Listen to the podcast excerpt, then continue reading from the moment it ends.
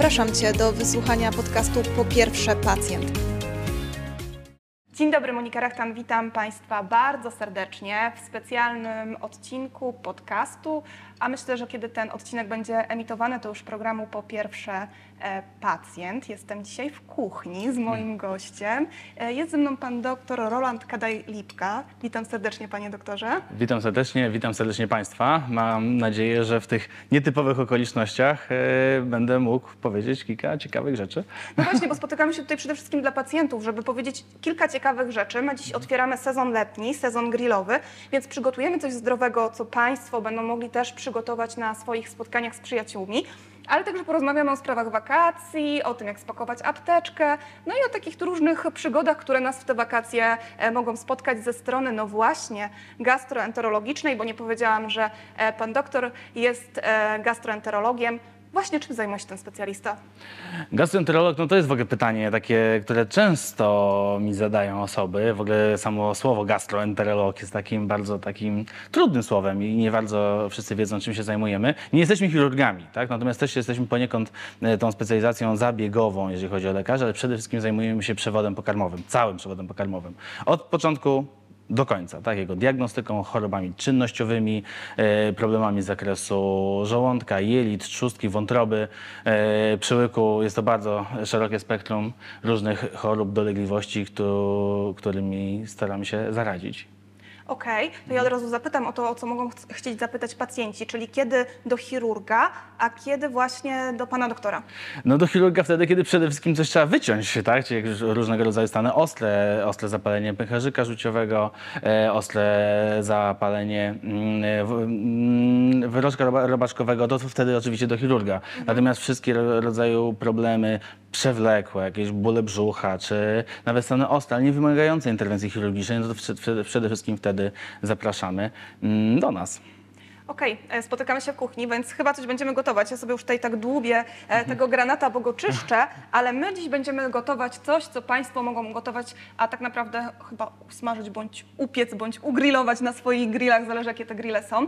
E, więc może Pan doktor na początku powie, co Pan doktor przygotował, a potem ja opowiem o, o moich potrawach. Tak, ja nie jestem y, kucharzem takim profesjonalnym przede wszystkim, ale będę starał się przygotować przede wszystkim rzeczy zdrowe, e, takie, które z punktu widzenia gastroenterologa mogą być e, spożywane przez pacjentów i w sposób jak najbardziej taki przystępny. Mam nadzieję, że to mi się uda. E, co dzisiaj będę dla Państwa szykował? Przede wszystkim y, zajmę się, tak jak rozmawialiśmy, ja zajmę się tą częścią mięsną, czyli e, już to sobie wyjąłem e, chwilkę wcześniej, zacząłem przygotowywać marynatę łososia. Będę go marynował w takim e, marynacie z sosu sojowego, miodu i chili. Bardzo, bardzo lubię ten przepis, bo jest bardzo lekki i bardzo prosty przede wszystkim. E, W lodówce już mi się marynuje kurczak, taki bardziej w stylu tajskim, więc myślę, że z którego zrobimy potem szaszłyki. Do tego jakąś e, lekką sałatkę. Myślę, że to będzie takie mój pomysł na taki letni, e, zdrowy letni posiłek. Bardzo dziękuję za wyjaśnienie i opowiedzenie o tych wszystkich e, potrawach. Ja powiem, co ja będę gotować, z uwagi na to, że u mnie z mięsem trudno, ale owoce e, morza i ryby jem, więc chętnie spróbuję tego łososia, bo e, to wszystko brzmi bardzo pysznie. To u mnie będą krewetki z ananasem, takie szaszłyki, które można przygotować tak naprawdę w 5 minut, kiedy goście dzwonią, mówią, o, będziemy za chwilę, no to te, te, te szaszłyki są naprawdę dobrym wyborem, pod warunkiem tylko, że te krewetki mamy zamarynowane w lodówce dzień wcześniej. Natomiast zrobię też szparagi, bo chciałabym pokazać, że warzywa na grillu jednak mają swoje miejsce i że można coś pysznego z nich zrobić. To powinno być główne miejsce, moim zdaniem osobiście. Właśnie, no bo to tak jest, bo my wszyscy mówimy, że na tych grillach jednak zazwyczaj są mięsa e, i widzimy to chyba w, na grillach Polaków, a jednak warzywa też tam mogą się znaleźć, są pyszne, no i przede wszystkim bardzo zdrowe. Oczywiście, że tak. Przede wszystkim e, grill jest, e, trochę trzeba obalić mit. Tak, bo moim zdaniem grillowanie jest wbrew pozorom bardzo zdrową formą przygotowania posiłków. Oczywiście, jeżeli spełnimy kilka warunków. Przede wszystkim to, co na tym grillu się znajdzie, tak? Czyli nie, nie robimy, staramy się przynajmniej unikać tych tłustych, najbardziej tłustych potraw, jakieś kiełbasy tłuste czy, czy tłuste karkówki. No może to niekoniecznie, ale ra, raczej warto, żeby na tym grillu znalazł się, znalazła się ryba, znalazł się drób, ewentualnie właśnie te warzywa, którymi można sobie świetnie urozmaicić e, posiłek. Przede wszystkim warzywa grillowane grillowane po pierwsze są zdrowe, nie tracą wartości e, odżywczych, e, tak bardzo jak na przykład ugotowane e, i przede wszystkim mają dużo takich walorów smakowych, więc tu jak najbardziej można sięgnąć czy po pieczarki, szparagi, o których wspomniałaś, e, tudzież Mm, papryka, cukinia, bakłażan, to jak najbardziej możemy zrobić bardzo fajne i bardzo smaczne potrawy i zachwycić tym naszych gości. No właśnie, ja też grilluję sery. Rozmawialiśmy o tym wcześniej, że po prostu jestem Mhm. serową dziewczyną, więc e, tak grilluję sery i grilluję ser e, feta i grilluję Mhm. e, ser halloumi i też można je fajnie doprawić warzywami i to wtedy wszystko jest takie... No właśnie nieoczywiste. Goście często są zaskoczeni, jak przychodzą nas do grilla i mówią, ale dlaczego ty pieczesz ten ser feta Mhm. w folii i jeszcze tam dodajesz pomidory, cebulę, czy to w ogóle będzie dobrze smakowało? No okazuje się potem, że to jest najlepsze danie e, na grillu. Ale właśnie, Mhm. wracając do tego grillowania, powiedz mi, e, panie doktorze, Mhm. e, panie doktorze, czy pan doktor mógłby mi powiedzieć, czy takie grillowanie, w sensie tego, jaki ten grill będzie, czyli na przykład mamy grille węglowe, mamy e, grille gazowe, czy to ma znaczenie z takiego punktu właśnie tego, co nam się potem po tym grillowaniu może dziać z naszym układem pokarmowym, czyli że lepiej wybrać grill elektryczny, bo wtedy jest większa pewność, że ten brzuch nas nie będzie bolał.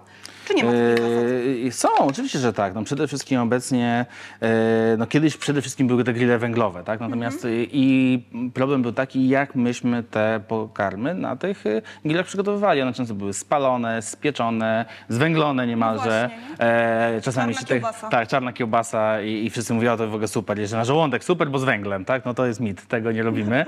E, natomiast przede wszystkim obecnie grill węglowy też może być. Oczywiście, jeżeli wiemy, jak go prawidłowo zrobić, e, raczej, żeby on był dobrze rozpalony, w wysokiej temperaturze, może nie bezpośrednio nad ogniem, nie bezpośrednio nad żarem, ale zdecydowanie łatwiej, moim zdaniem dzisiaj prościej jest wybrać sobie grill elektryczny albo gazowy, tak? Na tych gazowych grillach jest super przygotowane są potrawy, one są mniej spieczone, przede wszystkim te potrawy z grilla nie są takie tłuste, one są właśnie często pozbawione tłuszczu, bo on się wytapia w czasie, e, w czasie przygotowania potrawy, więc to jest dużo lepsze rozwiązanie niż e, smażenie na przykład, tak? Więc jakby smażenie, smażenia nie lubimy jako gastroenterolodzy, a grillowanie już jak najbardziej e, może być, tudzież pieczenie. Okej, no a jak się jednak zdecydujemy na to grillowanie, grillowanie Mhm. e, z węglem i okaże się, że te nasze potrawy no nie były takie najlepsze dla naszego układu e, pokarmowego, to po pierwsze, czego możemy się spodziewać, co nam się może wydarzyć po takim, po takim mocnym grillowaniu, a dwa, jak sobie z tym poradzić? E, jakoś się zabezpieczyć? No, przede wszystkim staramy się nie jeść dużo, bo to jest jakby kluczowy problem, bo nawet nie jest dużym, największym problemem to, e, co zjemy i w jaki sposób zjemy, a przede wszystkim to, ile tego zjemy, tak? Więc to też jest, e,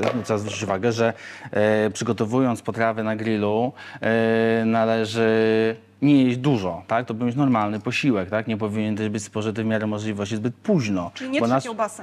Nie trzy kiełbasy, nie dwie karkówki i jeszcze e, przede wszystkim co do tego grilla jeszcze zjemy, tudzież wypijemy, bo na to trzeba zwrócić uwagę, żeby nie starać się przynajmniej nie spożywać dużej ilości alkoholu czy, czy innych ciężkostrawnych potraw, bo to też jest bardzo, bardzo ważne niestety, bo to jest główny problem. Często przejedzenie, a nie nawet to, co zjemy jest tym największym problemem. Więc jeżeli przy, już zadbamy o to, żeby te, z tego grilla te potrawy były jak najlepszej jakości, żeby one były niespieczone, niespalone, no to właśnie zwróćmy też uwagę przede wszystkim na ilości, bo to jest bardzo ważna rzecz. A jeżeli już się tak zdarzy, że przesadzimy, no to przede wszystkim no to nie, nie jedzmy przez jakąś dłuższą chwilę. Trzeba dać odpocząć temu przewodowi poka- pokarmowego, e, pić wodę, nawodnić organizm, e, ewentualnie jeżeli są jakieś silne dolegliwości bólowe, e, być mo- można się wspomóc lekami takimi ogólnodostępnymi, mm, żeby te dolegliwości zniwelować. Oczywiście można sobie to, można, można to zrobić, a jeżeli ten, te dolegliwości się przedłużają, nie ustępują samoistnie po, tam, po kilku godzinach, no to wtedy warto się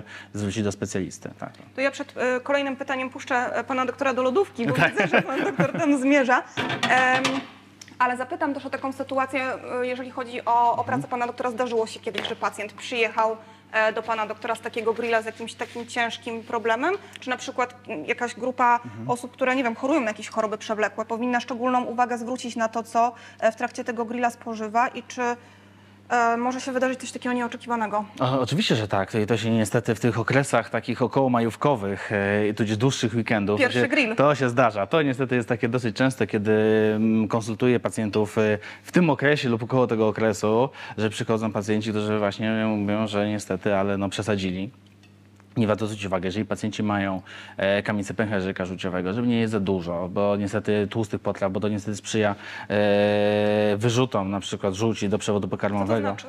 E, Co to znaczy? Zapytam, bo W sensie, w sensie takim, jeżeli mamy, y, w pęcherzyku żółciowym gromadzi się e, żółć, tak, tak y, y, roboczo to nazywając, w związku z powyższym, jeżeli ona służy nam do trawienia. W sytuacji, kiedy zjemy dużo ciężkostrawnych potraw, w szczególności tłuszczowych, bogatych w tłuszcze, to nie nasz przewód pokarmowy musi sobie z tym poradzić. W związku z tym on y, uzupełnia, że tak powiem, te, te mm, enzymy trawienne, właśnie wyrzucając żółć do przewodu pokarmowego. I Okej. niestety w tych, tych sytuacjach może tak się zdarzyć, że na przykład jeżeli są jakieś drobne złogi, to one się przemieszczą do, do dróg żółciowych. złogi, czyli jakby takie pozbierane kuleczki tej żółci. Kamycz, kamyczki, tak? Okej. Mówiąc wprost, takie kamyczki nazwijmy to i na przykład utrudnią odpływ E, i wtedy może być czy ostre zapalenie, czy pęcherzyka żółciowego, czy dróg żółciowych. Może by się zdarzyć, no takich naj, najgorszych powikłań to ostre zapalenie trzustki, to jest bardzo poważna e, wtedy choroba, która niestety może w takich sytuacjach się zdarzyć, w szczególności jeżeli na przykład do tego spożywamy na przykład alkohol, więc na to trzeba zwrócić uwagę.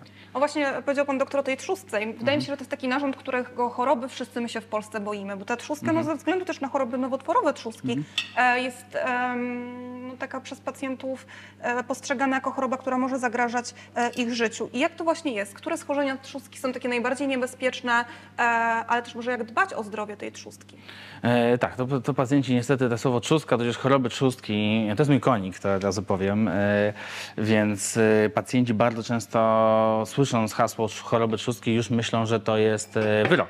Niemalże, tak? Jeszcze nie wiemy, jaka to jest choroba, ale to już jest wyrok, to już jest problem, bo to jest trzustka. Wszyscy wiemy, że jak ktoś ma jakąś chorą trzustkę, no to już e, trzeba się żegnać ze światem. To to nie jest prawda przede wszystkim, tak? Bo chorób trzustki jest bardzo dużo, tak? Prze- prze- Przede wszystkim do najgorszych takich ostrych stanów to są ostre zapalenia trzustki, właśnie wywołane najczęściej e, spożywaniem alkoholu. Wcale nie trzeba być alkoholikiem, żeby mieć os- ostre zapalenie trzustki. Czasami e, u niektórych pacjentów zdarzają się takie stany nawet po spożyciu jednego piwa czy przysłowiowego kieliszka wina. No, tego czasami ciężko się przed tym ustrzec, ale możemy o to zadbać właśnie pijąc rzadziej, spożywając mniej tłuste pokarmy, o tym warto pamiętać.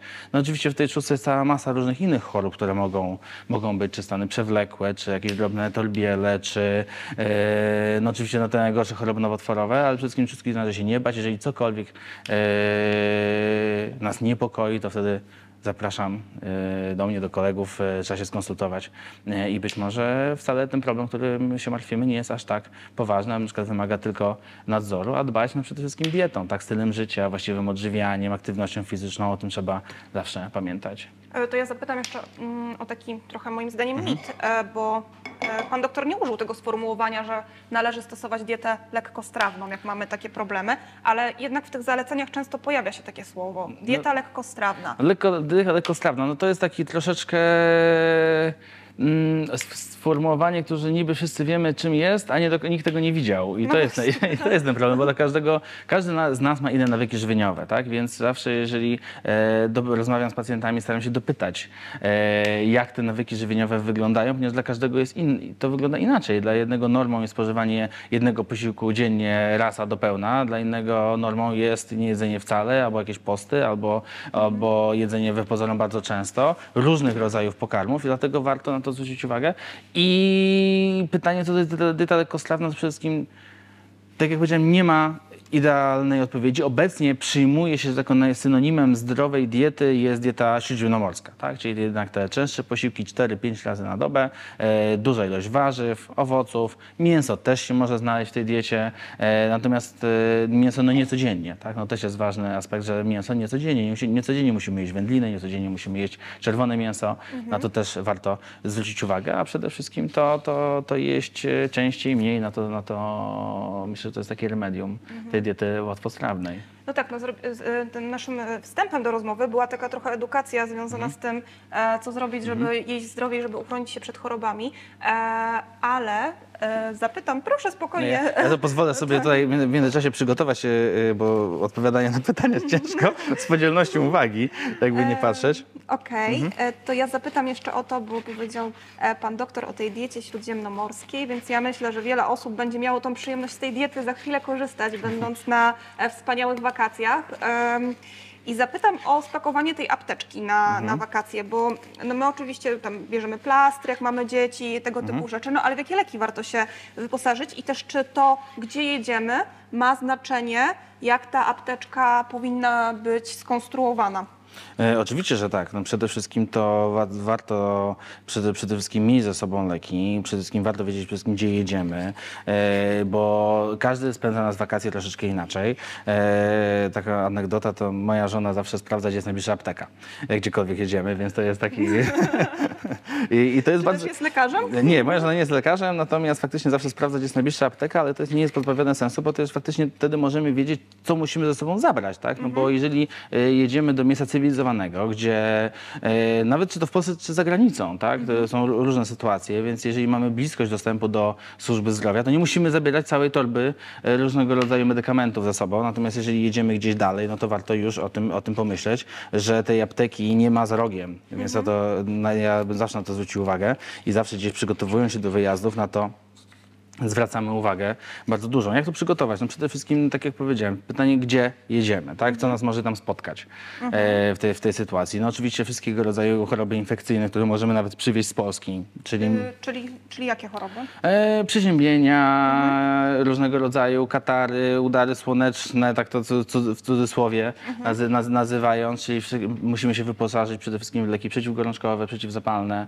e, te wszystkie dostępne takie bez recepty, leki przeciwbólowe, rozkurczowe warto mieć w swojej aptece z różnych powodów, warto się o to, o, to, o, to, o to zadbać. Środki opatrunkowe, te podstawowe zawsze też warto mieć ze sobą, żeby w sytuacji, kiedy coś się dzieje, móc e, sobie z tą sytuacją poradzić przede wszystkim. A też jeszcze warto zwrócić uwagę, e, czy nie potrzebujemy na przykład dobrego ubezpieczenia.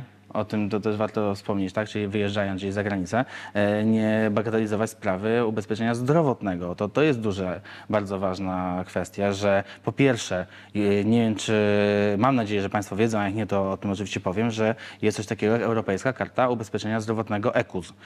E, Na terenie Uni- Unii Europejskiej jesteśmy ubezpie, ubezpieczeni. Natomiast taką kartę trzeba sobie samodzielnie wyrobić. Gdzie można taką kartę wyrobić?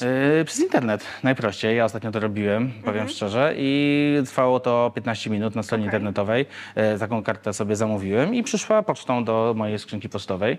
I z taką kartą ubezpieczenia zdrowotnego możemy na terenie Unii Europejskiej e, być ubezpieczeni. To jest ważne, tak? Czyli możemy korzystać z takiej samej opieki zdrowotnej, jaka jest w danym kraju. Dodatkowo, jeżeli wyjeżdżamy w sposób zorganizowany lub mniej, warto ubezpieczyć się dodatkowo, tak? Tego wtedy i Ale właśnie po co to zrobić? No bo tak, z jednej strony mamy Europejską Kartę Ubezpieczenia Zdrowotnego, czyli ona generalnie gwarantuje nam dostęp do e, opieki medycznej. Jestem młodą osobą, e, raczej nie planuję e, żadnych poważnych chorób. No nie wiem, co mi się może wydarzyć. Mogę złamać nogę, mogę się zaciąć nożem gotując coś. E, no i okej, skorzystam z tej opieki właśnie, którą daje mi EKUS. A, a po co to ubezpieczenie jeszcze dodatkowe? E, No po pierwsze pytanie, gdzie jedziemy, tak? No bo jeżeli jedziemy do kraju, gdzie tak jak ktoś by przyjechał do Warszawy, no to wtedy faktycznie ta opieka zdrowotna jest dobrze rozwinięta, tak? W każdej chwili możemy się zgłosić na SOR e, i tą pomoc uzyskamy. Natomiast jeżeli pojedziemy do kraju, gdzie e, ta opieka publiczna nie jest e, najwyższych lotów, tak to nazwijmy, a często jest tak, że nawet na przykład na różnego rodzaju wyspach, czy na różnych e, e, takich turystycznych miejscowościach e, jest bardziej rozwinięta opieka prywatna. I warto na to zwrócić uwagę i dobierając ubezpieczenie, czy na przykład właśnie mm, to, ten zakres ubezpieczenia obejmuje e, każdą formę na przykład e, opieki zdrowotnej, czy i publiczną, i prywatną, na to zwrócić e, uwagę, przede wszystkim ta dostępność, tak? I druga sprawa, nie warto tracić na wakacjach czasu, tak? No bo to też jest ważny aspekt, tak. prawda? Dlaczego nie? No często, jeżeli te problemy nie są zbyt poważne, e, coś nam się stanie, przewrócimy się, czy się skaleczymy, no to e, nie jest to najczęściej powód, dla którego musielibyśmy te wakacje przerwać. Więc wydaje mi się, że e, warto wtedy mieć tą, tą opiekę prywatną, żeby sobie nie tracić czasu, tak? Przede wszystkim z małymi dziećmi. No to są wszystko takie problemy czysto ludzkie, więc e, warto na to zwrócić uwagę. A jeszcze z takich rzeczy ważnych, których zawsze ja przede wszystkim dopytuję e, przy ubezpieczeniu, to jak wygląda czy transport e, do Polski w przypadku, kiedy na przykład coś nam się stanie takiego, że nie możemy wrócić na przykład rejsowym samolotem. To nie, wcale nie muszą być aż tak poważne rzeczy, ale wystarczy, że złamimy nogę w jakimś takim miejscu, że nie możemy nogi zgiąć.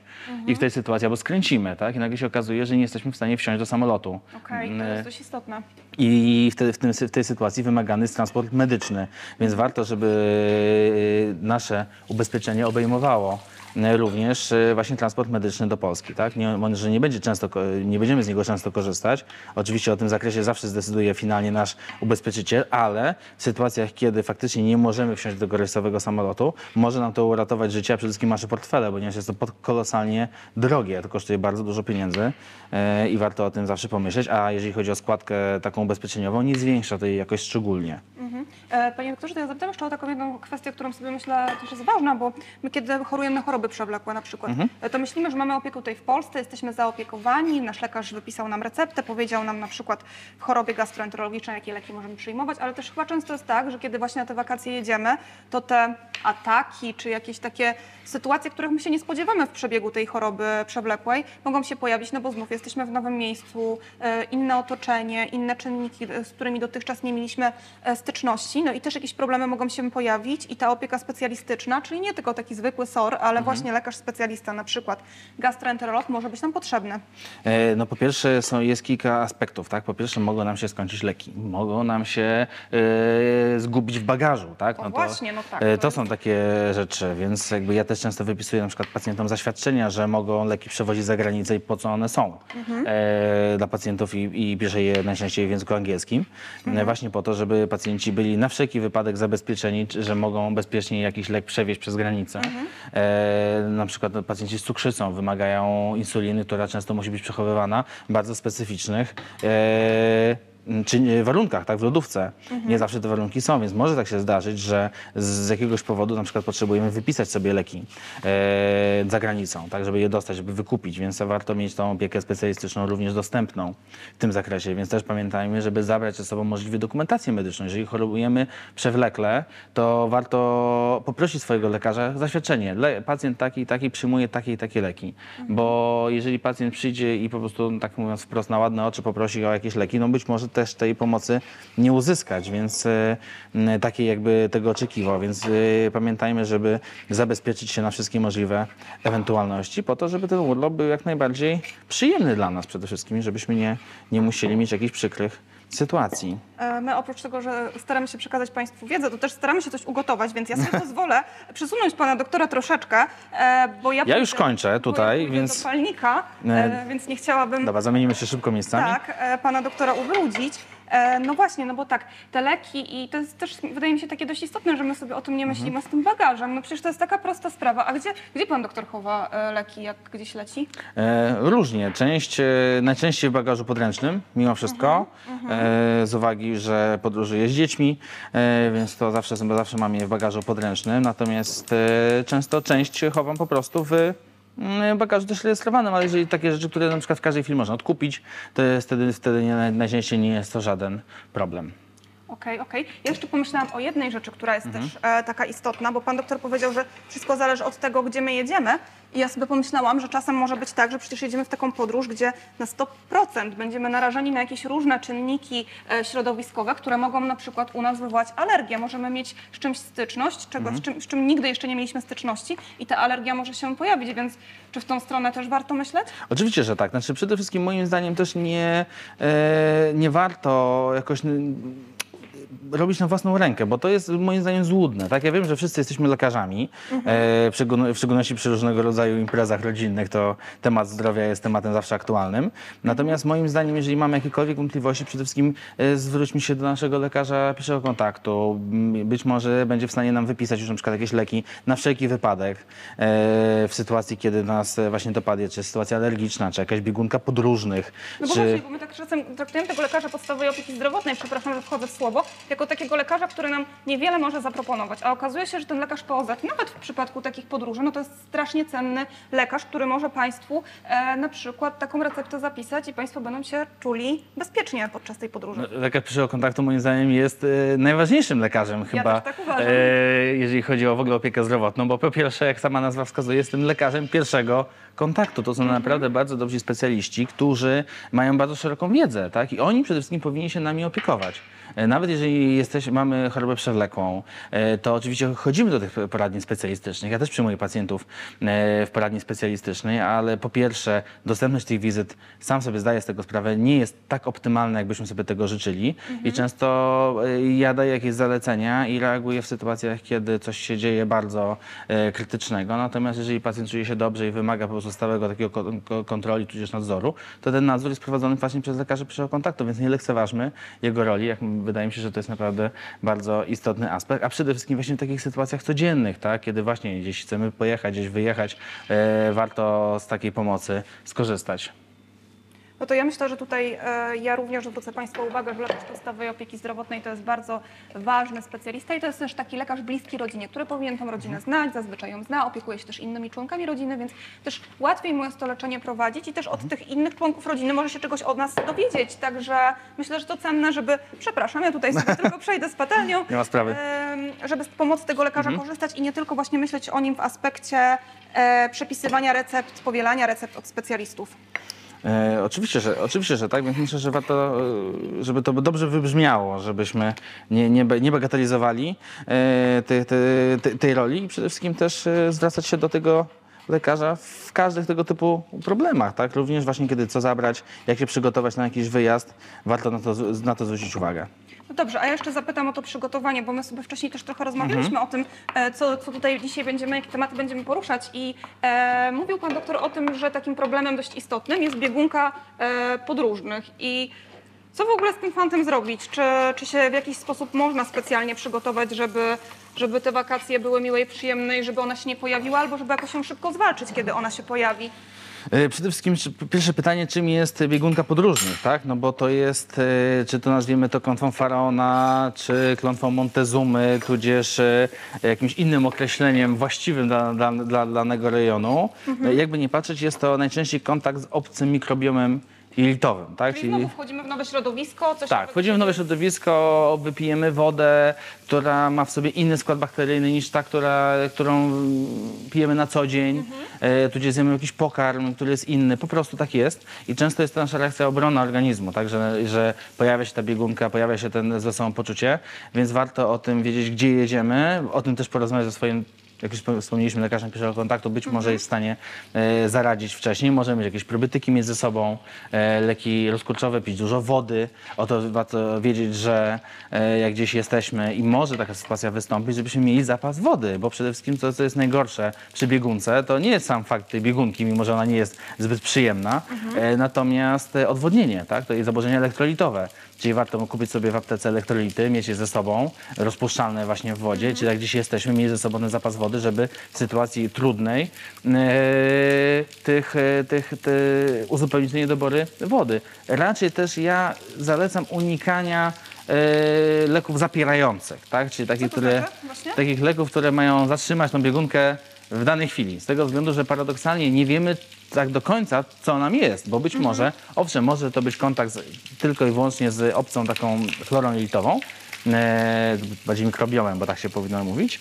E, natomiast często je, być może jest to jakiś patogen, który jednak jest chorobotwórczy i w momencie, i, i kiedy jest ta biegunka, my go też wydalamy z organizmu. W związku z tym stosując leki, które tą biegunkę hamują, możemy paradoksalnie zrobić sobie większą krzywdę, więc raczej leki e, zapierające to wtedy, kiedy potrzeba dojechać do lekarza albo samolotem wrócić Do domu.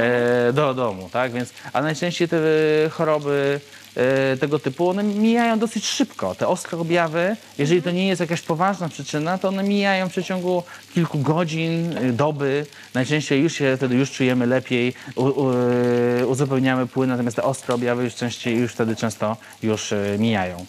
Okej, okej. E, To ja jeszcze zapytam o taką jedną rzecz, bo kiedy my sobie rozmawiamy tutaj o tym, jak się spakować, jakiego pójść lekarza i tak dalej, i tak dalej, bardzo się pan doktor denerwuje, kiedy e, pacjent przychodzi do pana doktora i ma już przepis na to, co pan doktor powinien zrobić? E, no to jest trudne pytanie, tak? No oczywiście, no to niestety żyjemy w czasach doktora Google'a e, i, i pielęgniarki Wikipedii. E, określenia jeszcze nie słyszałam. To jest niestety takie, takie, takie nasze czasy i wydaje mi się, że każdy z nas przede wszystkim, jeżeli ma jakąkolwiek przypadłość, to pierwsze co, no to Google e, i piszemy tam, co tam jest, co, co z biegunką i tak dalej. Niestety te rady często są nietrafione, więc ja zachęcam, do- żeby podchodzić do tych rzeczy z dużą taką dozą jednak e, krytycyzmu. Żeby jednak mieć świadomość, że te rady nie zawsze mogą być właściwe. Jeżeli mamy jakiekolwiek wątpliwości, to przede wszystkim skonsulto- konsultować się z, z lekarzem, nawet z farmaceutą w aptece. To już często No Właśnie, już nam to dużo. farmaceuta też dużo wie, prawda? Oczywiście, że tak. On się z tym spotyka na co dzień. Do niego też przychodzą pacjenci i pytają się, co, zje, co na biegunkę, co na wymioty, co na coś innego, co na przeziębienie. E, więc jakby to też jest zawsze jakaś forma kontaktu. Okej, okej. Myślę, że to cenna wskazówka. My też w Polsce trochę nie doceniamy tych farmaceutów. Mhm. Oczywiście, że tak. Niestety tak E, jest. więc- Ja cię przepraszam, muszę zajść do piekarnika, wyjąłem sobie blachę, bo chciałem e, przypiec e, chleb do naszej sałatki. Dobrze. I chyba za chwilę też e, wyląduje w piekarniku kurczak, prawda? Bo on tam się marynuje. Tak, za chwilkę, to za chwilkę się tym zajmiemy. Najpierw chciałem troszeczkę zrumienić e, chlebek, To ja opowiem żeby zrobić takie grzanki. o moich szparagach, które tutaj już są na patelni, a u Państwa mogą być na grillu. Ja je lekko, lekko podsmażam na maśle, ale tego masła tak naprawdę wcale nie trzeba używać. Można te paragi, szparagi na przykład e, po prostu polać oliwą i posypać e, solą e, i pieprzem i one naprawdę będą bardzo smaczne. Ja je jeszcze pokroję po usmażeniu i Wrzucę je do sałatki. W sałatce mam już e, pomidory koktajlowe, mam orzeszki fini, mam e, liście szpinaku i mam mój ukochany ser feta. Do tego sól, pieprz, e, ocet balsamiczny i to jest naprawdę bardzo fajne danie. Też takie sycące z uwagi na to, że mamy ten ser i też paragi, e, także bardzo, bardzo mocno polecam.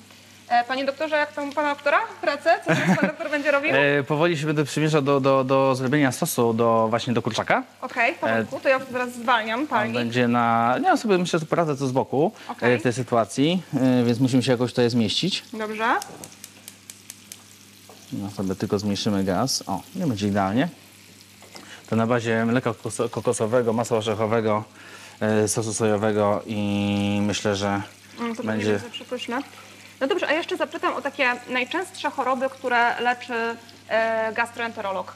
Co najczęściej właśnie, z czym najczęściej do gabinetu pana doktora zgłaszają się pacjenci? Najczęściej to z takimi codziennymi problemami trawiennymi. Najczęściej wzdęcia, gazy, bóle brzucha, zaburzenia rytmu wypróżnień. To są najczęściej te Zaburzenia problemy. rytmu, wypróżnień, proszę o wyjaśnienie. Co to znaczy? E, no- każdy może to inaczej rozumieć. Tak, w sensie takim, że coś się zmieniło e, w, w, jakby w tempie i ilości. Każdy z nas z reguły trawi mniej więcej całe życie w miarę podobnie. Tak? Więc jeżeli mamy tam tych wypróżnień dwie, dwa na dobę, to jest norma. Trzy na dobę to już jest na granicy, ale czasami normą też jest raz na dwa dni. Natomiast jeżeli coś się zmieniło nagle Okej. w jakiś sposób, tak, nas to zaniepokoiło, to często tym pacjenci często przychodzą, e, więc to jest to taki aspekt. E, kolejny, kolejna rzecz to jest zgaga. Zgaga, pieczenie, ból w klatce piersiowej to są takie sytuacje, które często wymagają e, konsultacji, z tym pacjenci przychodzą, ale takim chyba koronnym dzisiaj e, objawem, z którymi pacjenci się do nas zgłaszają, to są przede wszystkim właśnie wzdęcia. Bardzo dużo pacjentów przychodzi, e, w szczególności pań, ale nie tylko, bardzo dużo też i panów, gdzie przychodzą i mówią, panie doktorze, po prostu ja już nie mogę, e, bo y, rano się budzę, mam zupełnie płaski brzuch, jest super, a wieczorem to jakbym była w ciąży. E, panie często mówią, że im ludzie, e, inne osoby ustępują miejsca w autobusie e, i, i, i to jest dla tych osób bardzo duży dyskomfort. Tak. I, I często jest tak, że żyją z tym latami, okazuje się, że możemy sobie z tym radzić. Więc myślę, Ale że co jest najczęściej przyczyną takich wzdęć? e, najczęściej są to zaburzenia mikrobiomu jelitowego, Mhm. tak? Bo często jest tak, że pacjenci najpierw próbujemy oczywiście sami, tak? Czyli jest Google oczywiście e, i Czekaj, ja muszę tylko, bo zacząłem tu rozmawiać, a wszystko ci zaraz wytłumaczę, bo to Dobrze. jest bardzo szeroki i bardzo skomplikowany e, Mhm. problem, tak na dobrą sprawę. Z tego względu, że tak jak zacząłem mówić, pacjenci często sami sobie szukają pomocy. Często latami szukamy y, diet, które dla nas pasują. Często jest tak, że te diety są nietrafione. Ograniczamy bardzo dużo posiłków w naszej diecie, e, czy składników pokarmowych i często w zupełnie niepotrzebny sposób. Bo bardzo często tak się zdarza, że te problemy wynikają po prostu z zaburzeń mikrobiomu jelitowego, czyli zaburzeń i w składzie i ilości bakterii w naszych, e, w naszych jelitach i z tym możemy sobie radzić, tak? I najczęściej... Ale to jest tak, przepraszam, jeszcze wejdę w słowo. Ja ci przy... o, ja tylko Tak, sobie proszę sięgnę. bardzo. E, Wejdę jeszcze w słowo i zapytam o to, czy to jest tak, że ten e, nasz mikrobiom, on się zmienia z wiekiem, czyli że na przykład dzisiaj ja mogę jeść dużo rzeczy i ten mikrobiom wygląda w określony sposób i mi nic nie jest, a może się Mhm. wydarzyć tak, że na przykład coś w moim życiu e, będzie miało miejsce i ten mikrobiom Mhm. się zmieni i mleko, które wczoraj było dla mnie ok, dzisiaj już może być e, wyzwaniem picie tego mleka na przykład. No najczęściej nie są to zmiany, które są z dnia na dzień. To też warto na to zwrócić uwagę, że to nie są zmiany, e, które są z dnia na dzień i ja to pozwolę sobie, że zgaszę ci palnik, dobrze? Dobrze, dziękuję bardzo. O, dobra. E, To nie są zmiany, tak jak zacząłem mówić, to są, nie są zmiany, które postępują z dnia na dzień. Są to często kwestie, które są latami, e, które powstają i często tak jest. Zmieniamy środowisko, e, zaczynamy e, mieszkać w innym miejscu, przemieszczamy się, pobieramy, bo często jest tak, że osoby, które mieszkają w jednym gospodarstwie domowym mają podobny mikrobiom jelitowy. Upodobniamy się w tym zakresie. No siłą rzeczy, no Tak bo to jest, jakby, tak jeżeli jest, to- żyjemy... To jest tak, to jest prawda, to jest prawda. Więc to są takie sytuacje, stres, który może na to wpływać, tak? czy osoby, z którymi pracujemy. We pozorom, czyli te czynniki, wszystkie czynniki Od środowiskowe. razu powiedziałeś stres osoby, z którymi pracujemy, czyli uważasz, że... E, stres pracy, stres pracy, o tym miałem na myśli. E, natomiast e, na to trzeba zwrócić uwagę. No niestety to są takie czynniki, które niestety wzmagają często te dolegliwości e, i potęgują tak na dobrą sprawę ich odczuwanie. Zapytam jeszcze o jedną rzecz, którą ostatnio przeczytałam na forum, e, bo tutaj też często zadaję w podcaście pytania właśnie, które pojawiają się na forum pacjenckim. E, I to było takie forum, które dotyczyło osób z niedoczynnością tarczycy i pisała młoda dziewczyna, która wrzuciła też swoje zdjęcie. Pokazała swój brzuch i napisała właśnie, że gratulują jej ludzie tego, że jest w ciąży. E, No, ona napisała, że nie jest, tylko ma takie wzdęcia i tam jej ktoś e, napisał o klasyczny glutenowy brzuszek. W ogóle jest coś takiego, bo, ta, bo m, też e, mówił pan doktor o tych dietach e, i o tym wszystkim, że my sobie tak sami czasem coś kombinujemy, nie, niekoniecznie konsultujemy się z lekarzem e, i chciałam zapytać, jak to, jak to wygląda, czy na przykład właśnie taki gluten może być przyczyną takich wzdęć i czy trzeba go definitywnie wtedy odstawić? E, I tak i nie. Tak? To, to zależy. To jest w ogóle najlepsza odpowiedź. Ja uwielbiam tą odpowiedź na wszelkie, e, wszelkiego rodzaju pytania. To zależy, e, ponieważ tak jak powiedziałem wcześniej, bardzo często tak się zdarza, że e, pacjenci sami się próbują diagnozować, tak? albo czytają internet w stylu mam Hashimoto, to na pewno trzeba wyrzucić gluten z diety. To nie jest do końca, nie, nie trzeba.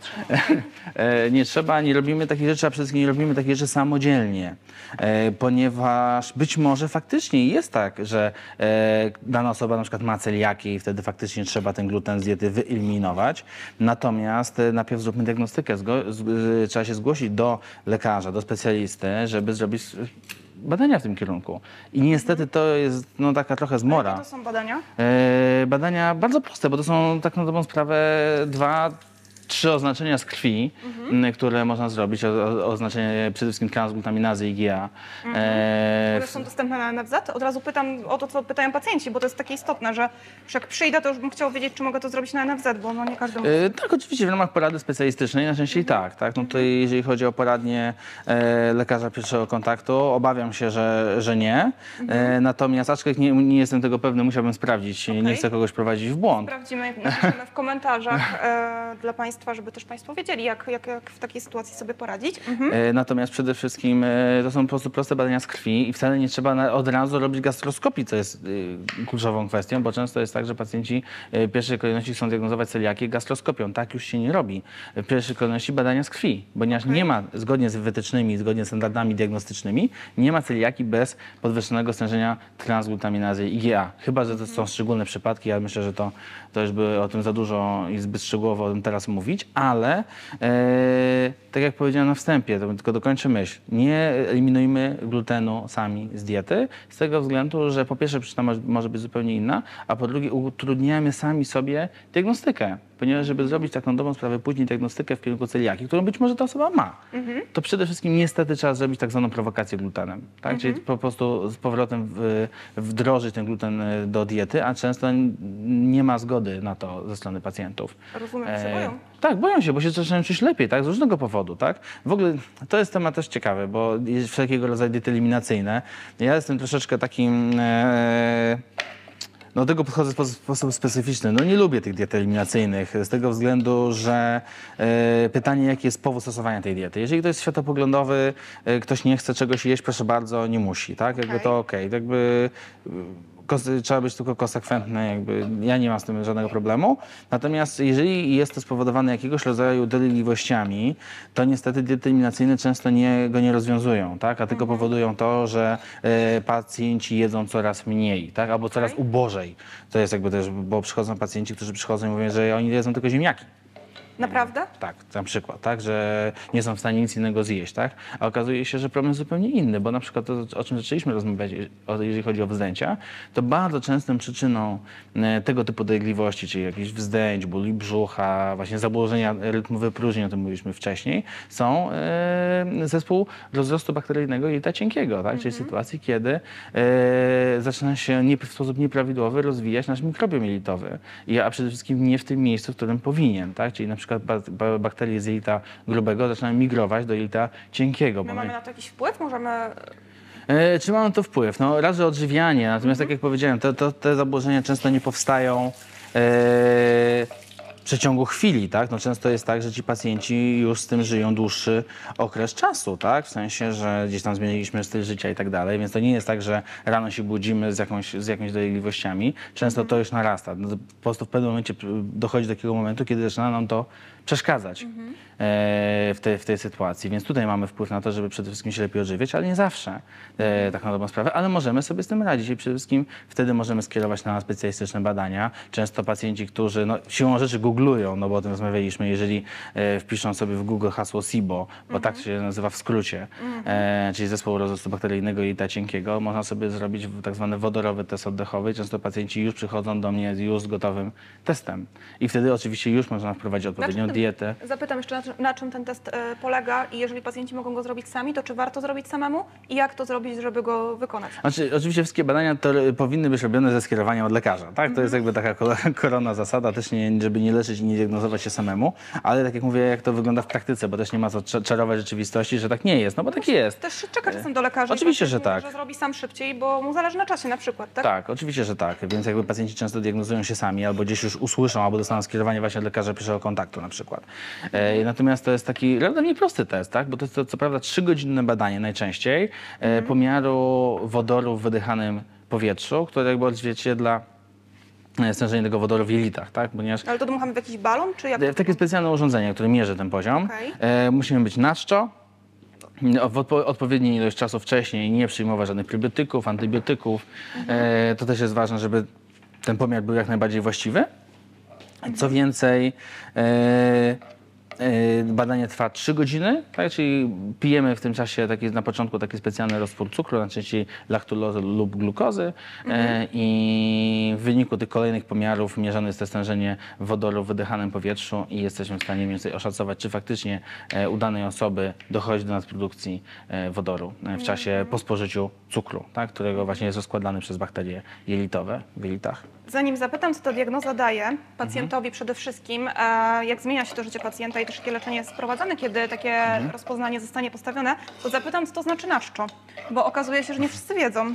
E, Nacho, czyli najprościej rzecz ujmując, bez jedzenia, bez picia, tak? Czyli jeżeli pacjent na, e, w dniu badania najczęściej, chyba że są jakieś zalecenia specyficzne dla danego badania, żeby nie spożywać lub nie jeść dłużej lub krócej, to zależy. Natomiast nacho to przede wszystkim bez jedzenia, ale również bez picia, ewentualnie... Czyli dopuszcz- wody też nie? no, woda mo- jest dopuszczalna, ale woda, tak? W sensie takim, że jeżeli na przykład idziemy pobrania krwi, to oczywiście można się na, napić te dwie szklanki wody, żeby się nie zagęszczać, tak? E, Nie zagęszczać tej krwi, w sensie nie odwadniać.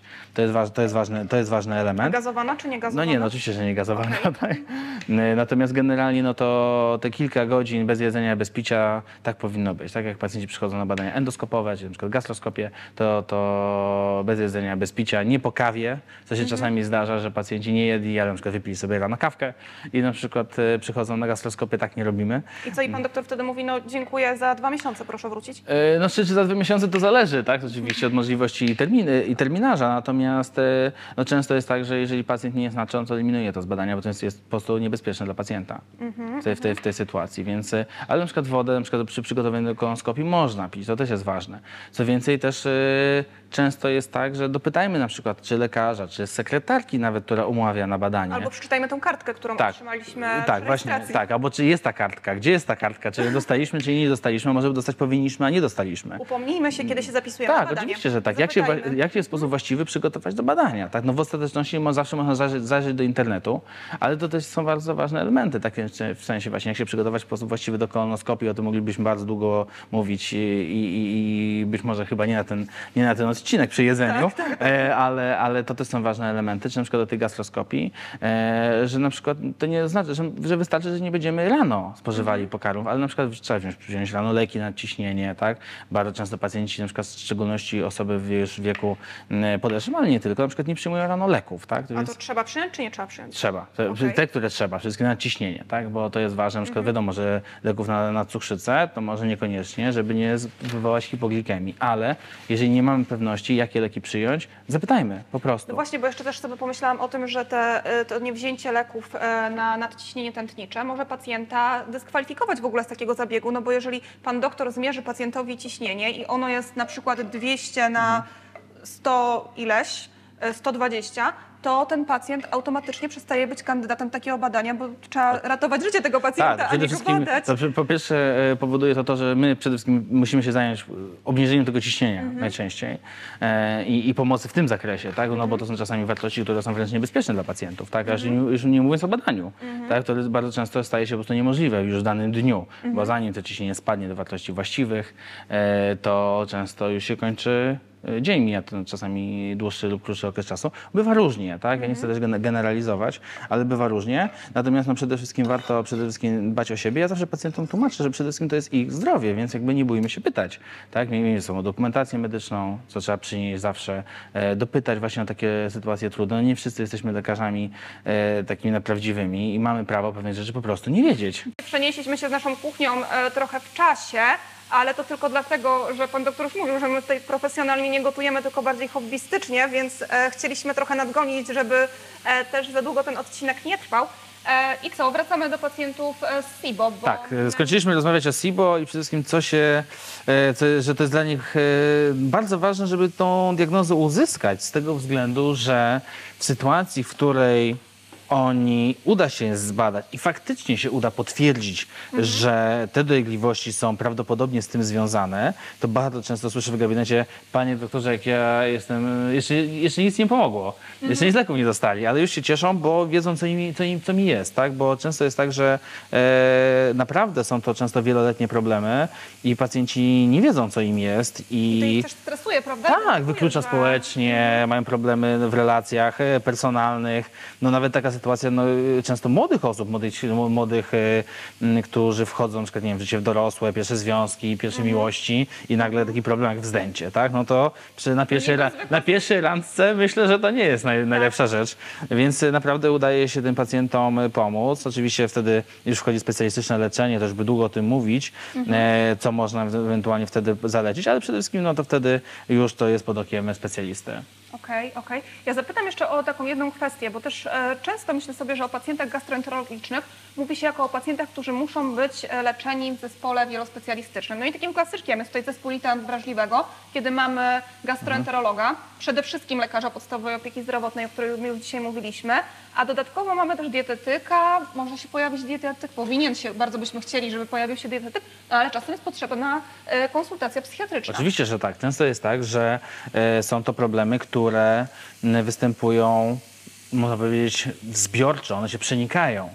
Tak na dobrą sprawę, ponieważ często jest tak, że pacjenci z chorobami, zaburzeniami tak na dobrą sprawę, bo to najczęściej są różnego rodzaju zaburzenia psychiczne, e, mają problemy ze strony przewodu pokarmowego i to bardzo często idzie w parze. To nie jest tak, że to jedno wynika z drugiego, tak? bo często jest tak, jeżeli pacjentowi z problemami jelitowymi proponuje się konsultację psychiatryczną, to nie dlatego, że my uważamy, że on sobie tę chorobę, te dolegliwości wymyślił, tylko często jest tak, że e, te dolegliwości mogą być nasilane przez e, różnego rodzaju zaburzenia lękowe, zaburzenia depresyjne i często nie udaje się przez to przerwać e, takiej spirali, tak? bo jedno nakręca drugie. Pacjent, który ma zaburzenia ze strony przewodu pokarmowego, bardzo często e, nasilają mu się zaburzenia lękowe, lękowo-depresyjne, a z drugiej strony to może z kolei nasilać dolegliwości ze strony przewodu pokarmowego, czyli wpadamy w takie błędne koło. No właśnie, to zjawisko błędnego koła, ja często za Państwem powtarzam, że, że to zjawisko błędnego koła jest w przypadku chorób e, jelit e, bardzo częste, ale też powiedział Pan doktor o tym, ym, o tych relacjach, o tym wstydzie, o tym, że e, te dolegliwości mogą znacząco wpływać na jakość życia pacjenta. I ja sobie pomyślałam jeszcze o innej grupie chorób, o chorobach zapalnych jelit, bo tam e, no czasem jest tak, że ci pacjenci przez chorobę w jednej chwili tak naprawdę bardzo znacząco zmienia się ich życie. I też chciałabym zwrócić uwagę społeczeństwa, że kiedy na przykład widzimy takiego pacjenta ze stomią, to no, trzeba zachować się kulturalnie. Może tak to Znaczy, ujmę. to, są, to są bardzo wszelakiego rodzaju problemy, z tego względu, że no nie zawsze razu ka- każda osoba ze chorobą zapalną jelit ma stomię i nie zawsze ta stomia e, będzie. Tak? Obecnie na szczęście mamy do dyspozycji bardzo wiele leków, które e, dzięki którym udaje się uniknąć leczenia chirurgicznego. E, O tym warto, o tym warto pamiętać. Natomiast e, e, przede wszystkim są to choroby, tak jak, powie, tak jak pani doktor powiedziała, są to choroby często wstydliwe. Są to choroby, które często wymagają częstej opieki specjalistycznej, wizyt w szpitalu. Też pomocy częstych drugiej osoby czasem chyba. Też, tak, ale często no, chociażby na takich zwykłych, prostych sprawach. Natomiast, co jest, chciałem powiedzieć, dla tych pacjentów jest to czasami bardziej krępujące niż dla wszystkich innych. Tak? Te osoby często tracą pracę, bo, bo często te objawy zaczynają się nagle, wymagają hospitalizacji. Nie zawsze każdy, każdy pracodawca rozumie te problemy, że, że ten pacjent jest po prostu chory. Tak? I on też czasami po prostu fizycznie może nie być w stanie przyjść do pracy, bo ma biegunkę, bo ma kwistną czasami biegunkę, bo jest zaostrzony. Tak? I jest dla niego to duży problem. Często to faktycznie ci pacjenci faktycznie e, z tego powodu cierpią najnormalniej w świecie, więc tutaj zawsze warto na to zwrócić uwagę. E, Co więcej, często jest tak, że te osoby proszą po prostu dostęp do toalety. To tak się wydaje tak trywialne, ale na przykład są pacjenci, wymieniają się na przykład mapami e, publicznych toalet po to, żeby wiedzieć, jak mają czasami sobie poruszać się po jakimś, po jakimś mieście. Są organizacje pacjenckie, e, które o to dbają, jak Stowarzyszenie Pacjentów e, Jotelita, to można powiedzieć, czy, czy różnego rodzaju kampanie wiedzy o, e, o, o tych chorobach I, i faktycznie są na przykład aplikacje, które na przykład wskazują, gdzie jest ta najbliższa toaleta. Wow, dla tych pacjentów tak. I dla tych pacjentów jest to naprawdę bardzo, bardzo ważne w, te, w, tej, w tej sytuacji. I właśnie o tym warto, warto mówić. Także ten pacjent, który czasami może tak się zdarzyć, no w każdej chwili może przyjść do nas na przykład, nie wiem, do pracy, do firmy, czasami nawet być może zapukać i do domu i powiedzieć, że on po prostu potrzebuje nagle skorzystać z toalety, tak? No to nie, właśnie. więc to nie dlatego, że, że nie potrafi załatwić swoich y, problemów fizjo- fizjologicznych w domu, tylko ci ci pacjenci faktycznie często y, mogą mieć ten problem, więc o tym warto mówić. A faktycznie no takim już takim no często takim koronnym jakby tym zwieńczeniem jest to, to leczenie chirurgiczne i faktycznie rz- rzadziej, bo rzadziej, ale zdarza się, że pacjenci kończą ze stomiami. To też nie jest dla tych pacjentów wyrok, bo oni sobie z tym świetnie radzą. Bardzo wiele osób, nawet bym powiedział z naszego otoczenia, ma stomię i sobie z tym żyje i nawet nie ma, inni ludzie nie mają o tym zielonego pojęcia, że, ta stomia, że tą stomię mają, więc tą stomią da się żyć, da się żyć normalnie. Mm, e, Są pacjenci, mam takiego pacjenta, który zaczął w momencie, kiedy dopiero zaczął mieć stomię, żeby się na tyle dobrze czuć, że zaczął skakać ze spadochronu, e, uprawiać spinaczkę wysokogórską i to zaczęło się, zrobiło się jego konikiem właśnie Czyli nie dopiero wtedy. nie zamknęła mu życia do... Tak, absolutnie, że tak. No, natomiast faktycznie jest tak, że ci pacjenci często wymagają jakiejś naszej dodatkowej e, współpracy, jakby też, żeby do niej- oswajać się z tymi widokami, tak? To nie jest, to wszystko jest e, możliwe do, do zrobienia, to wszystko jest możliwe do, mm, e, do zaobserwowania, żeby się nie wstydzić, tak? I też jakby nie, nie, nie robić takiego ostracyzmu społecznego, tak? No bo to też jest ważne, żeby być tolerancyjnym, to jest takie moim zdaniem warte, warte przesłanie, żeby być tolerancyjnym, nie? E, A pan doktor dzisiaj dużo mówił o tym leczeniu w internecie Mhm. i o tym, że w tym internecie nie warto się leczyć i nie powinno się leczyć. E, Natomiast ja uważam, że takim e, przydatnym miejscem są grupy właśnie facebookowe pacjentów, i nie wchodzimy na nie po to, aby się tam wyleczyć, ale żeby na przykład otrzymać wsparcie albo te takie cenne wskazówki, na przykład dotyczące tej mapy toalet.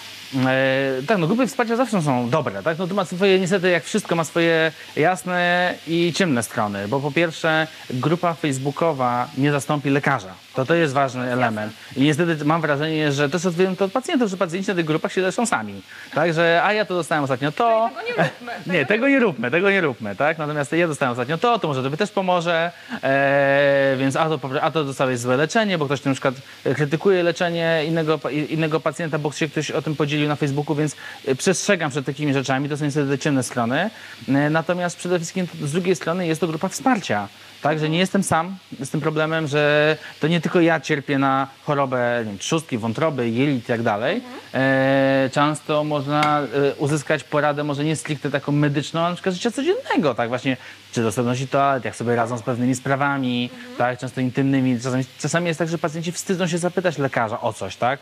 Albo przyszła e, e, na przykład młoda e, pacjentka, a do pana doktora, no nie zawsze jest to komfortowa sytuacja. No to wiadomo, to są rzeczy ludzkie. No tak. E, I, i, I po prostu o coś się nie zapyta. W czasie wizyty, a no bo nie wypadało i tak dalej. I potem wchodzą na grupy facebookowe, więc jakby e, korzystajmy z tego. Wszystko jest dla ludzi, ale to jest takim zawsze takim lekką dozą, e, żeby wiedzieć to, co chcemy tam uzyskać, a nie zastąpić tego e, tym porady specjalistycznej. Okej, to ja e, jeszcze o jedną rzecz zapytam, a nie mówiłam, że będę o to pytać, więc to będzie niespodzianka, e, bo nie wiem, e, czy pan doktor pamięta, ale ja na pewno wspominałam o tym, że partnerem naszego projektu jest Instytut Praw Pacjenta i Edukacji Pacjentów E, i ten instytut zajmuje się humanizacją medycyny. Mhm. No i właśnie, a czym dla pana doktora jest humanizacja medycyny? Humanizacja medycyny, no moim zdaniem przede wszystkim no, takim mm, naturalnym podejściem, tak? W sensie takim, że Żeby e, w pacjencie zobaczyć też człowieka? tak, przede wszystkim, żeby zobaczyć człowieka, tak? Że pacjent nie jest e, e, kolejnym numerkiem, kolejną godziną, czy kolejnym tak zwanym iksińskim na, e, na naszej wizycie. Ja na przykład często staram się, to akurat nauczyłem się od, e, jeszcze na studiach, e, od e, profesora Jędrzej- Jędrzejczaka, e, pamiętam, gdzie wybitnego moim zdaniem e, hematologa, gdzie, gdzie on zawsze mówił, że jak na przykład idzie się na obchód i to się często zdarza, że e, młody lekarz potrafi powiedzieć, tu leży, nie wiem, rak trzustki. On mówi, nie, tu nie leży rak trzustki, tu leży pacjent. Tak. Przede wszystkim i to jest ważne, żeby, żeby mieć takie podejście i staram się też to przekazywać e, młodszym kolegom, kto, z którymi współpracuję, że, żeby mieli takie podejście, tak? czyli takie propacjenckie, tak? że to pacjent, pacjent przychodzi z chorobą, to przychodzi pacjent, a nie przychodzi choroba do nas. To jest ważne, tak? że leczymy całego pacjenta, a nie jego wyniki badań, to też jest ważne.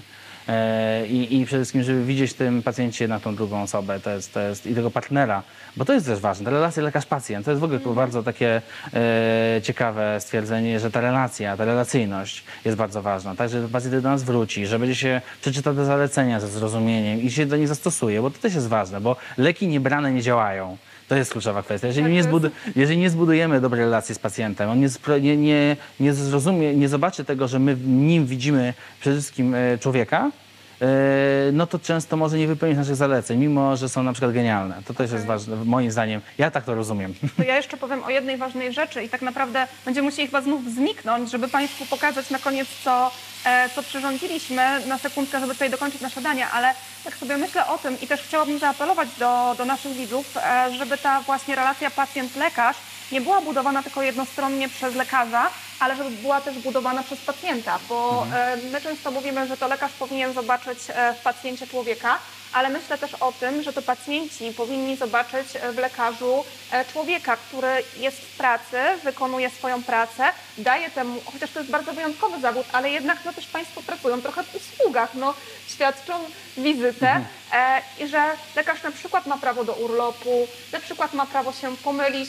i popełnić literówkę i że w takiej sytuacji no, jednak trzeba się zachować kulturalnie i też z wyrozumiałością e, i że takie sytuacje jak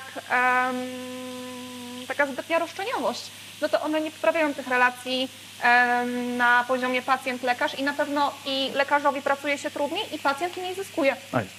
E, Znaczy, no, To jest bardzo trudny temat, wydaje mi się, no bo to jakby tak jak pani to powiedziała, no to jest no to poniekąd praca w usługach. No może nie lubimy tego skreślenia, e, określe, określenia, bo, no bo to trochę jakby zaczyna nas skręcać nie w tą stronę chyba, której byśmy chcieli, e, ale faktycznie jest taka no, duża e, jakby życzeniowość ze strony chorych, tak? No to wynika z różnych rzeczy. Wydaje mi się, że też niekoniecznie, niekoniecznie ze złej woli, bo często jest tak, że po prostu nie ma dostępu do lekarza, już y, pacjent po prostu bardzo długo czeka. On mniej więcej wie, czego by chciał nawet, jakiego badania na przykład, tylko że po prostu już tak długo czekał na wizytę, że już postawa jest taka, że no już tak długo czekałem, więc ja już nie wyjdę stąd, jak nie dostanę tego, czego oczekuję, tak? Więc to są takie rzeczy. I faktycznie warto zwrócić uwagę też na to jakby ze strony pacjentów, że jakby no, też jesteśmy ludźmi fizy- właśnie, o to mi fizycznie. chodzi, jakby e, też mamy swoje pasje, swoje zainteresowania, e, swoje rodziny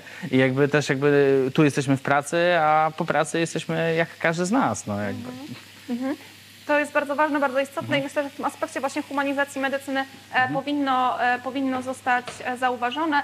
Pan doktor już wyciąga swojego łososia z piekarnika, więc ja może jeszcze opowiem trochę o mojej sałatce, bo nie wiem, czy jej nie zmodyfikowałam A może e, w, w, w porównaniu do tego, co mówiłam na początku, więc u mnie są grillowane szparagi, są pomidory koktajlowe, są liście szpinaku, jest oczywiście sól, pieprz, ocet balsamiczny i oliwa z oliwek i mamy serfeta i ja jeszcze dorzuciłam od siebie kapary i orzeszki pini, także taka mieszanka letnia, myślę, że idealna e, do grilla i myślę, że z takich dostępnych e, składników wczoraj przeczytałam w internecie, że jedzmy szparagi póki są, e, bo są bardzo krótko, a ja bardzo lubię, więc mam nadzieję, że ona się spotka z Państwa uznaniem. No i chyba Pan doktor mnie trochę okrzyczy, bo zgrillowałam krewetki, ale ten miód mi się trochę e, przypalił, czy one są jeszcze Mm. ok, chodzi o gastroenterologa, czy już e, E, Myślę, że są jeszcze jeszcze okej? Myślę, że są jeszcze okej. No może nie wszystkie, ale myślę, że okej, ale myślę, że sobie możemy wybaczyć ten mały, e, małe takie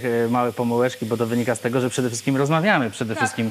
I jakby to go- gotowanie nie jest na naszym tutaj pierwszym miejscu, a jednak staramy się przekazać Państwu jak największą e, dozę wiedzy. Ja też tutaj walczę z moimi szaszłykami z, e, z kurczaka, żeby one sobie tutaj ładnie doszły i za chwilę nie, żeby nie przypominały krewetek. E, Panie doktorze, to ja zapytam jeszcze o jedną rzecz, bo ja nie ukrywam, że w tym programie zależy mi na tym, żeby pytania, które pojawiają się w różnych miejscach, w internecie przede wszystkim, od pacjentów, trafiały wreszcie do lekarzy i żeby żeby te pytania zostały zadane. I to nie chodzi o takie pytania, że na przykład e, przeczytam panu doktorowi, że gust taki i taki i że coś się zadziało i że pan doktor miałby mnie zdiagnozować, tylko bardziej chodzi mi o takie kwestie, które można wyjaśnić, więc czy możemy naszych widzów tutaj zachęcić do zadawania pytań do e, pana doktora? My się kiedyś spotkamy, nie wiem, czy przy garach, czy w innych okolicznościach na, na odpowiadanie na takie pytania. Oczywiście, że tak. Ja myślę, że jest cała masa pytań, na które można odpowiedzieć, e, które nas e, interesują, które nie zawsze wymagają konsultacji od razu medycznej, tak? No ale to są takie często takie życiowe problemy, tak? Mam, myślę, że jednak mimo wszystko nie poruszyliśmy e, wszystkich problemów, jakie mogliśmy. Bo byśmy Czy- z kuchni nie No bo wyszli. się nie, bo byśmy nie wyszli tutaj z tej kuchni, tak, dokładnie do wieczora, może do, nawet i do jutra.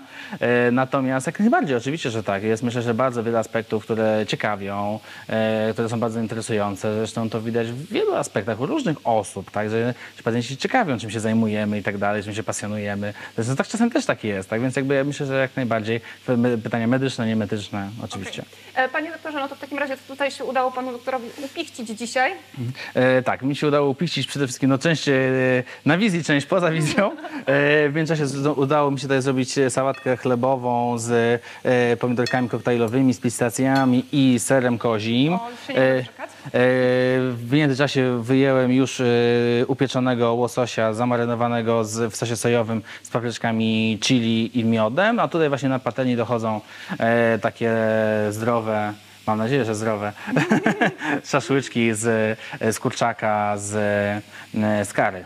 I jeszcze dziś jest sos. E, też pewnie A, sos orzechowy, tak. Z tyłu jest, międzyczasie był zrobiony jeszcze, jest e, sos na bazie mleka kokosowego e, i, i, i masła orzechowego. To już może nie jest najbardziej zdrowe, niestety, bo to jest takie, ale, ale myślę, że jako uzupełnienie niedużej ilości nie zaszkodzi. Panie doktorze, bardzo było mi miło z panem doktorem gotować w tej kuchni. Mówiłam panu doktorowi, że gdybym nie była dziennikarką, to pewnie bym została kucharką, chociaż po tych krewetkach dzisiaj tego nie widać. Ale, ale tak jest i bardzo lubię gotować. Mam nadzieję, że państwo rozpoczną ten sezon wakacyjno-grillowy e, ze zdrową kuchnią, ze zdrowym odżywianiem, no i że te rady wszystkie od pana doktora, które przekazaliśmy w dzisiejszym programie, e, się państwu przydadzą w pięknych albo podróżach po Polsce, albo po Europie, albo po świecie, czego państwu bardzo serdecznie życzę. Dziękuję bardzo. Mi też było niezmiernie miło. To było dla mnie zupełnie nowe doświadczenie, nowy anturaż. Mimo, że w kuchni spędzam trochę czasu, przede wszystkim w domu, e, ale tak, żeby mówić, rozmawiać, e, jeszcze gotować, to jest taki, e, no duża podzielność uwagi, a mężczyźni nie słyną z podzielności uwagi. Mam nadzieję, że sobie poradziłem e, w, tej, w tej kwestii, więc było mi niezmiernie miło. Mam nadzieję, że udało mi się przekazać dużo cennych i wartościowych inf- informacji, bo taki był cel przede wszystkim naszego spotkania, a przede wszystkim zrobić coś dobrego i mam nadzieję, że też to będzie smakowało, bo starałem się jakoś takie dobrać e, te potrawy, żeby i były zdrowe, o czym mówiliśmy na samym początku, żeby spełniały takie kryteria zdrowy, zdrowych potraw i, e, i były wszystkim smacznych, tak, żeby można było powiedzieć, że można gotować smacznie i zdrowo. Tak, tak. My właśnie e, za chwilę będziemy tych wszystkich potraw e, próbować, także e, panu doktorowi życzę smacznego, sobie również życzę smacznego, a państwu dużo zdrowia życzymy przede wszystkim. Dziękuję bardzo. Dziękuję. Bye.